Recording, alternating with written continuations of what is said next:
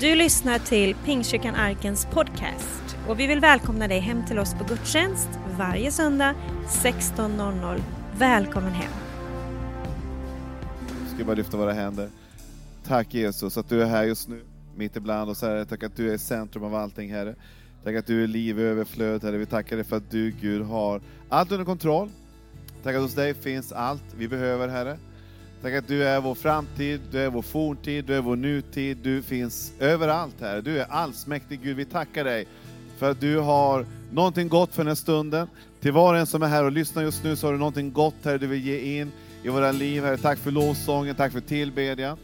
Jag tackar att du talar redan nu Herre och tack att du ska tala i, i Guds ord, genom Guds ord Herre. Tack att du är en god Gud, vi prisar dig för det Herre. Tack för vad du gör i vår församling och runt omkring Herre i det här länet och ut över hela vårt land Herre. Tack att du verkar med din kärlek i Jesu namn. Och allt folket sa? Amen. Underbart att se er allesammans. Eh, hade inte varit dessa tider så hade jag bett att ta, ge, ge varandra en kram. Men det får man inte göra.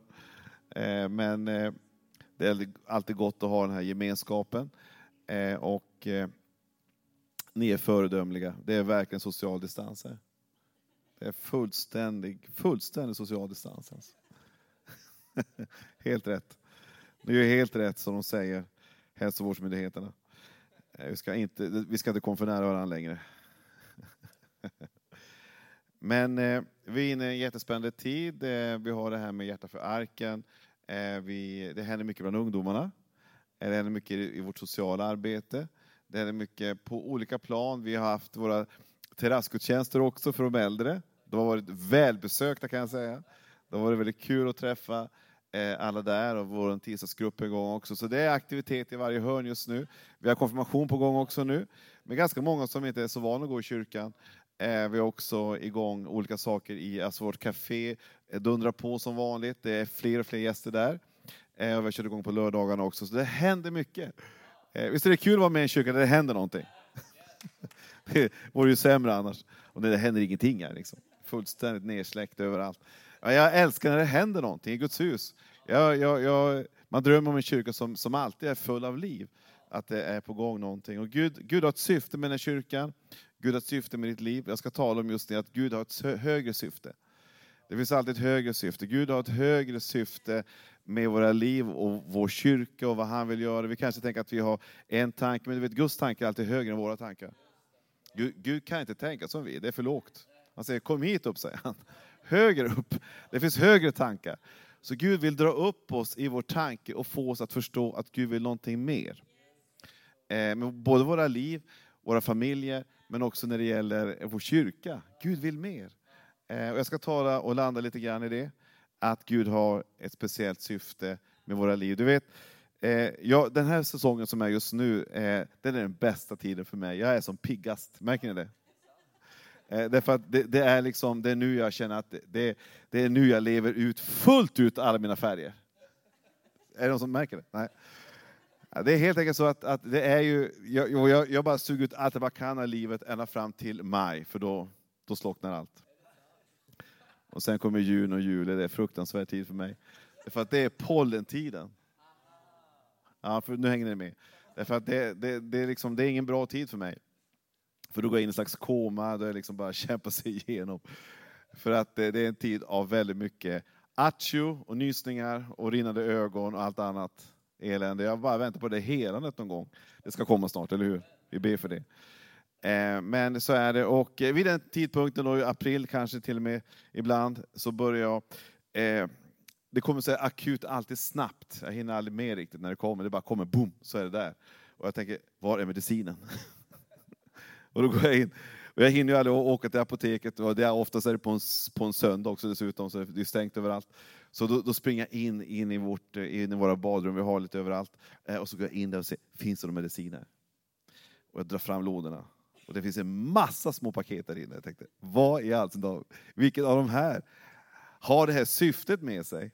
Att det verkligen kan förändra mitt hälsotillstånd? Ingen aning. För det är massa olika paket här. Att kolla på det ena och kolla på det andra. Och jag vill ju inte äta, för att ibland så, jag har varit och rest en del och eh, jag vill inte börja käka malariatabletter mitt i alltihop, det hjälper ju ingenting. Eller sen någon slags antibiotika eller någonting annat. Jag vill ha tag i det som hjälper mig, inte mot magproblem utan mot min, min, min, mina nysningar. Eh, så då får jag gå in och googla efter det är, så, det är så otroligt långa namn idag på, på medicin. Jag har ingen aning vad de betyder för någonting. Jag får alltid skriva in och googla, googla, googla och till slut så hittar jag rätt. Och då får jag tag i medicin som uppfyller sitt syfte. Om du äter medicin som inte uppfyller ditt syfte så får du en annan effekt. Och det vill jag inte ha. Utan jag vill ha tag i något som uppfyller sitt syfte. Du kan ju käka vad som helst, men det är inte säkert att det blir den effekten jämfört med om du äter rätt grejer som påverkar din kropp på ett rätt sätt. Allting har ett syfte. Allting vi gör, allting vi skapar, det finns ett syfte med det här bordet, det finns ett syfte med den, den plats du sitter på just nu. Det finns ett syfte med allting. Eh, och Gud vill att du ska få tag på syftet. Eh, det finns något högre också, det är våra liv. Gud vill att du ska få tag på syftet och meningen med ditt liv. Det finns en tanke med att du existerar, det finns en tanke med att du föds. Och däremellan mellan födseln och den dag du, du liksom slutar så finns det en tanke med det. Och Gud vill inte att du ska hamna i ett lägre tillstånd, utan Gud vill att du ska ha det högre syftet. Inte det lägre syftet. Vi ska läsa om, om en man som hade ett litet lägre syfte med sitt liv. Och det står om det i Lukas evangeliet kapitel 12, vers 13-21. Följ med dit, så ska vi läsa det. Eh, och det står så här om Jesus. Någon i folkmassan sa till Jesus, Mästare, säg till min bror att han ska dela arvet med mig. Det är där problemet kan börja ibland. Jesus sa till honom, Människa, vem har satt mig till skiljedomare mellan er? Sedan sa han till dem, se till att ni aktar er för all slags girighet. För livet handlar inte om att ha överflöd på ägodelar. Han berättar en liknelse för dem. En rik mans åker, en rik mans åker hade gett god skörd. Han frågade sig själv, vad ska jag göra? Jag har ingen plats för min, mina skördar. Så här ska jag göra, tänkte han. Jag river mina lador och bygger större och där samlar jag in min säd och mitt goda. Sedan kan jag säga till mig själv, kära själ, du har samlat mycket gott för många år. Ta det nu lugnt, ät och drick och var glad. Men Gud sa till honom, din dåre, i natt ska din själ avkrävas dig. Vem kan då få det du har samlat? Så går det för den som samlar skatter åt sig själv, men inte är rik inför Gud. Hur många vill vara rik inför Gud här inne? Jag längtar efter att ha ett liv som inte i första hand handlar om det yttre, utan, utan om någonting annat. Gud har ingenting emot i den här texten. Den här texten handlar inte om att, att det är någonting negativt att samla i ladorna. Det är inget fel att samla in i ladorna och ha mycket där. Men, men om det leder till att du har tomt i din själ, hänger ni med? Om du har tomt i din själ så är det en utmaning. Och det Bibeln talar om här det är att, att det är inga problem med det yttre, men vad händer med det inre? Och I den här texten så handlar det väldigt mycket om en arvtvist, och som egentligen var själva upprinnelsen till att Jesus tar den här liknelsen. Och vad är Jesus ute efter? Han, han talar om att det yttre är inte de stora bitarna, jag är inte ens intresserad av det, men vad händer med ditt inre? Vad är det som exponeras i olika lägen i livet när eh, pengar kommer på tal, när, när det händer någonting kring de bitarna? Bibeln, Bibeln är inte rädd att tala om pengar, eh, utan det, Jesus har 41 liknelser och, och 16 av dem handlar om pengar. Så han vet att det är någonting som vi lever med, vi har runt omkring oss. Men pengarna är inte problem för Gud, för det är neutralt. Men vad händer med ditt hjärta? Det är inte neutralt. Och det, det Jesus vill peka på i den här texten, som jag tycker är väldigt, väldigt spännande och intressant, det är att det Jesus vill få fram, det är att det yttre är problemet, utan det Gud är ute efter, vad lever du för? Vad är det för någonting som du sträcker mot? Vad är syftet med den tid du har? Är det i första hand att göra någonting för din egen resa? Att göra en karriär? Det är inget fel att göra karriär, men Bibeln talar om att det finns ett högre syfte. Vad är det för någonting? Ja, jag talar mer och mer om, inte bara karriär, utan jag talar om att vara kallad. Kallad handlar om att leva för någonting som någon annan har bestämt för dig. Vem är det? Gud själv. Gud vill föra dig in i en kallelse. Jag tror att så länge som mitt hjärta slår finns det en mening med det. Så länge som jag lever här på jorden, andas den här luften som finns runt omkring mig, så finns det en orsak till det. Inte bara karriär, det är inget fel att ha karriär. Men det finns ett högre syfte och det är att vara kallad. Att vara kallad till någonting som Gud har lett oss till. Men den här mannen, han, han levde med en full lada, men hade ett tomt hjärta. Han hade fullt runt omkring sig, men någonting i honom hade blivit ihålligt. För han tänkte mer på sin egen resa, på sig själv. Så hans värld, från att kanske ha varit lite större, krympte bara mer och mer. Till slut handlade det bara om hans egen navel. Men Gud vill att din värld inte ska minska hela tiden, utan Gud vill ge dig en större och större värld. Hur då? Genom att se fler och fler människor runt omkring sig bli påverkade av den du är. Så Gud vill ge dig ett syfte. Jag möter människor ibland som berättar att de är inne i en ny säsong. Barnen kanske har flyttat ut, eh, man kanske har flyttat från en stad till en annan, man kanske har lämnat en kyrka och gått in i någonting annat. Eh, man kanske är på väg att bli pensionär. Och då säger människor ibland till mig, ja, just nu så bara funderar jag på, vad ska jag hitta på nu? Vad ska jag göra nu? Vad är, vad är det dags för nästa del i mitt liv? Och då kommer upp alla möjliga olika tankar om enormt många härliga hobbys, och det är inget fel i det. Alla grejer man vill göra, man vill liksom gå med i Rotary, eller man vill satsa på golfkarriär, jag vet inte vad det kan vara för någonting. Det är massa olika saker. Men det är väldigt sällan jag hör, Gud har sagt. Gud har sagt. Gud har lett mig in i det här. Och det, det brukar oftast gå hand i hand. Men jag kan ibland fundera på, vad säger Gud om din nya säsong? Du har tankar, och de är inte fel på de tankarna. Men du vet, Gud vill att du ska tänka högre. Få högre tankar om det perspektiv du har just nu. Därför att Gud vill inte att vi ska leva och dö för oss själva, utan Gud vill att vi ska leva för att få se den här världen bli bättre. Gud har räddat oss ifrån evig död. Och vi är på den här planeten. Han kunde, kunde direkt ha ryckt upp oss direkt till himmelen. Men vi är kvar här, det för att det finns ett syfte med det. Det finns en kallelse med det. Och det finns en väg för det. Och Gud vill att du ska få tag på det syftet och den vägen. För Gud vill att du ska ha ett rikt liv, ett spännande liv. Du får gärna ha rikt och fullt i dina lador, men du kan samtidigt också ha rikt och fullt i ditt hjärta. Någonting som påverkar det som finns runt omkring dig. Så Gud vill att du ska leva ett spännande, rikt och överflödande liv på alla områden. Så Gud, Bibeln säger så här att eh, eh, vid tillfälle, nu hittar jag inte det, här står det, Herren har gjort var sak för sitt syfte, säger han i Ordspråksboken 16 och 4. Så Gud har gett varje sak som finns här på den här planeten, finns en orsak till. Till och med silverfiskarna. Jag har ingen aning vad de är till för, men de finns. Det finns säkert ett syfte med dem. Jag har ingen aning. Men Gud vill ge dig en inriktning. Jag ska ge dig några tankar här när det gäller just vad som kännetecknar att du har fått en kallelse och ett syfte från Gud. Nummer ett, det är dig glädje och liv.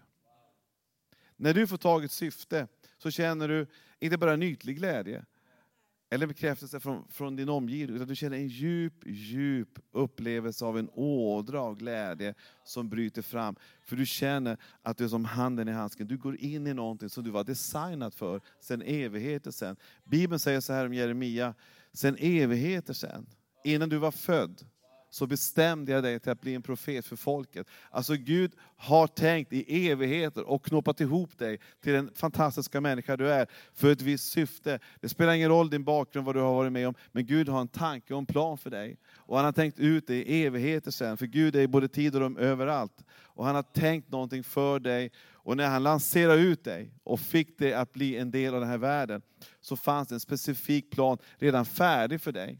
Så Bibeln säger att det finns, Gud har en plan för ditt liv. Vi säger det varje gång någon ska bli frälst. Det finns en plan för ditt liv. Gud har en tanke med varför du finns och existerar. Och vår resa är väldigt mycket att utforska det. Vad kan det vara för någonting? Vad är det Gud har tänkt för mig? Vad är det Gud har lett mig in i?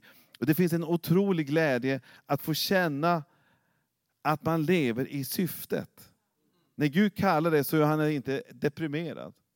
Då känner jag att det var ju elände, tänk att jag fick den här lotten. Jag ska till Sibirien, hade jag inte tänkt. Där ska jag vara missionär någonstans ute bland eskimåerna. Nej, Gud vill i sånt fall ge dig glädje att jag bara längtar efter is. Jag bara längtar efter minus 45. Jag bara längtar efter det, det, där, det är mitt syfte. Men Gud vill ge dig ett syfte. Och han vill ge dig glädje i det du gör. Tjäna Herren med glädje, kom in för hans ansikte med jubelrop, säger psalm 100. Paulus säger, som levde mitt i sitt syfte, så säger han vid tillfälle och räknar upp allting som kännetecknade hans liv just nu. Och det var en ganska lång lista av otroliga prövningar, extrema prövningar, som få av oss får uppleva. Men mitt i allt det här så säger han någonting som jag tycker är spännande. Vi är bedrövade, men alltid glada. Vi är fattiga, men ju många rika. Vi har ingenting, men vi äger allt. Vilken kaxig nästan utrop där liksom. Men vad innebär det? Det innebär att med Gud, om jag har bara Guds kallelse, så har jag faktiskt allting. Det spelar ingen roll om jag, vart jag min identitet sitter inte i första hand i vad jag har, eller mitt rykte, eller vad jag är, eller mitt CV. Utan mitt, det, är, det är bonus. Men det viktigaste är, vart är min identitet någonstans? Jo, du är kallad av Gud. Du har en uppgift. Du har någonting som Gud har lett dig in i. Gläd er alltid i Herren, säger Paulus. Än en gång säger jag, gläd er. Det här säger han när han sitter djupast ner i ett fängelse. Så livet var inte alltid enkelt för Paulus, men det, som gjorde honom glad det var att han levde i sin kallelse. Han visste att jag gör precis det Gud har tänkt. Jag har ingen aning varför jag sitter i fängelse, jag har ingen aning vad som kommer att ske med mig i framtiden, men jag känner en sån enorm glädje. Hur kan det komma sig? Helt enkelt för att han levde i centrum av Guds vilja. Hur många längtar efter att leva i centrum av Guds vilja? Längtar i hans kallelse, i hans tanke, i hans design. Han har en plan för dig. Han, han, hela vägen, ända fram till en dag du ska flytta hem, in i nästa spännande exit, så har han en tanke för dig. Det som sker med en människa som börjar gå med Gud och säger Gud, använd mig. Den enkla bönen, Gud låt din vilja ske med mitt liv idag. Det tar han på allvar och börjar positionera dig och föra dig in i det. När du ber den enkla bönen, Gud låt din vilja ske idag. Låt mig få vara i centrum av din vilja. Jag vill känna dig idag. Gud, låt mig få vara till välsignelse för någon idag. Gud älskar den typen av böner. Och det mest speciella äventyr börjar ta fart. Och det som sker när du börjar leva i centrum av hans vilja, det är att han tar fram det bästa ur dig. Han gör någonting i dig som gör dig helmotiverad. Du känner en otrolig motivation och glädje i det du gör. Och tiden liksom försvinner. För du har så fantastiskt spännande. Har ni varit med om något, någonting ni gör och ni känner bara att tiden bara försvinner? Det är en otrolig glädje. Jag känner ju, när jag, eh, jag träffar ett gäng från, vi har en, en gård som heter Steningegården. Eh, och det är en fantastisk plats. Jag träffar väldigt många här i kyrkan som är med och hjälper till där. Eh, Bland annat en som heter eh, Alf Pettersson. En fantastisk man. Och när jag träffar de här människorna, jag har aldrig hört en enda liksom, negativ känsla i att vara med där och ge tid dit, dit in. Utan jag träffar så många människor som lägger tid, kraft och energi in i det, i det Steningegården. Jag tänker, hur kul är det? Ja, de tycker det är jättekul. De är där och spikar upp gipsskivor, de är där och gräver gropar, de får omkring med grus, och allt möjligt där. Jag har ingen aning vad de gör. Men det ser fantastiskt bra ut där. Lägger ner timmar. Men jag har hört någon som säger, ja nu har jag gjort 15 timmar i Steninge. Eller nu har jag gjort 25 timmar i Steninge. Utan man gör det för att det är en del av livet. Och jag upplever att flera av dem är kallade att just vara med och hjälpa till för att bygga Steningegården. Men det är inte bara att bygga Steningegården, utan det är också att bygga Guds rike. Jag var där nu i somras och det var ett ungdoms, en ungdomsläger. Och när jag såg alla dessa ungdomar som dels blev andedöpta, flera blev frälsta, vi döpte tre stycken, det är på gång ett momentum där, då känner jag att tillsammans så bygger vi Guds rike just nu. En del skapar förutsättningar för det andra. Utan ett gäng som hade lagt ner tid, kraft och energi, utan att räkna timmar, utan man gör det för att man känner sig kallad till det.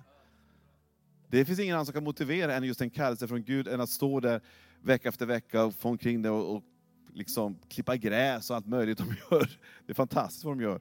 Så mycket arbete och energi. Men utan det så hade vi inte kunnat haft den typen av läger. Vi hade inte kunnat se de fantastiska möjligheter som Gud gör bland människor. Därför att det finns ett folk som verkar och någonting dras fram av det bästa ur det gänget.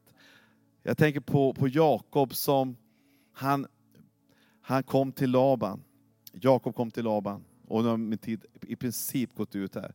Så ni får höra resten i nästa möte om ni stannar kvar. Jag ska bara be kort här.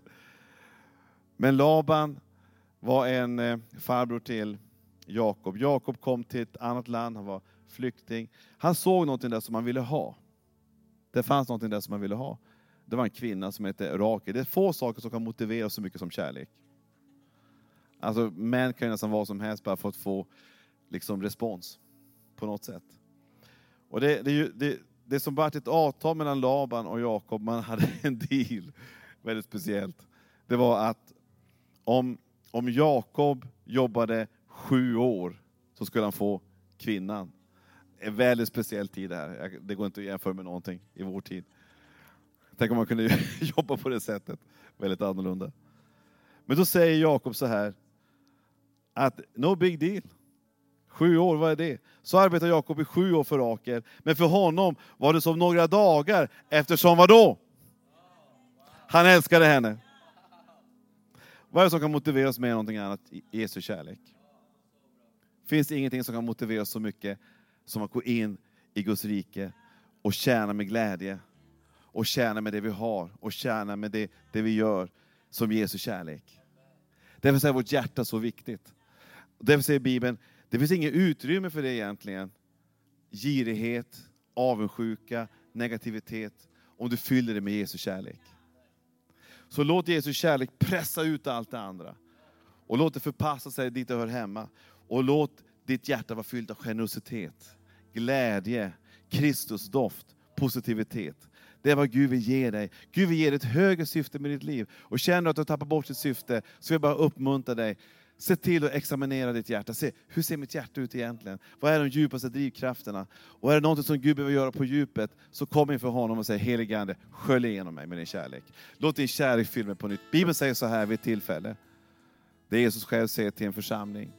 Ni har tappat den första kärleken.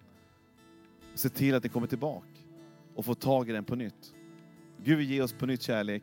Det är vägen fram, att få ett hjärta som börjar kalibreras i linje med Jesus syfte. För Gud har ett stort syfte med ditt liv. Gud har en stor tanke med ditt liv. Det här är något som kan få förvandla och göra revolution i vår tid. Revolution här i Värnamo, revolution här i Småland, revolution i hela Sverige, ut över hela världen. Gud vill göra revolution och du kan få vara en del av det. Och du tänker att du vill ha ett högre syfte än bara din lilla värld. Gud vill göra någonting mer med ditt liv. Han har någonting spännande för dig. Ska vi be tillsammans? Är du med på det? Tack Jesus. Tack Herre att du är här ibland oss just nu Jesus. Där du fyller Herre med dina tankar, dina perspektiv, din vilja i Jesu namn. Jag ska bara ge dig väldigt kort här en utmaning om du finns här som känner att jag skulle vilja ta emot Jesus som min personliga frälsare och vän. Jag vill ta emot honom som min Gud, min, min Herre. Och du som kanske ser på det här i, eh, genom eh, internet just nu, du kan gärna vara med i det också. Om du finns här, här inne, eller hemma i soffan, eller var du är någonstans, så känner att jag vill ta emot Jesus. Jag vill ha det högre syftet över mitt liv. Jag vill inte bara leva i min egen lilla värld. Det blir för litet, det blir för torrt, det blir för smått. Jag vill leva ett större liv tillsammans med det Gud har tänkt för mig. Så kan du precis just nu där du sitter eller står eller var du är någonstans och vi alla böjer våra huvuden i respekt för varandra. Du som känner att du har kommit lost. Du som känner att du har kommit in i en slags återvändsgränd. Du som känner att du inte hittar tillbaka. Du känner att du har kommit utanför det Gud har tänkt. Men du vill in i hans syfte, du vill in i hans tankar, du vill in i hans värld. Du vill inte leva i den, den lilla boxen som så lätt vi hamnar i när vi kommer utanför hans höga vilja. Om du finns här så känner att jag vill in i det här på nytt. Så lyft din hand just nu, bara rakt upp, ska vi be den helige Ande få komma över dig och ge dig ett nytt purpose, ett nytt syfte med ditt liv, en ny inriktning med ditt liv. Att Gud får ge dig precis det du behöver just nu. Tack helige Ande. Jag ber först, Gud välsigna er som lyfter era händer. Halleluja. Gud välsigna er. Ett helt gäng här lyfter sina händer. Någon fler som bara lyft en hand just nu. Ska be att Gud får ge er ett högre syfte, en högre väg, en högre tanke med ditt liv. Gud har en plan för dig. Gud vill någonting enastående med dig. Gud vill någonting fantastiskt. Jag ber först och du kan be efter. Tack Jesus, att du älskar mig. Att du har en plan för mitt liv. Att du vill någonting vackert med mitt liv. Tack att du förlåter mig. Och tack att du renar mig. Och tack att du leder mig från denna stund och in i framtiden. Tack att jag just nu får vara Guds barn, en del av din gemenskap med ett högre syfte tillsammans med dig. I Jesu namn. Du har lyssnat på söndagens predikan från Pingstkyrkan Arken i Värnamo. Vill du komma i kontakt med oss eh, hittar du oss på arkenvemo.se. Välkommen hem till oss!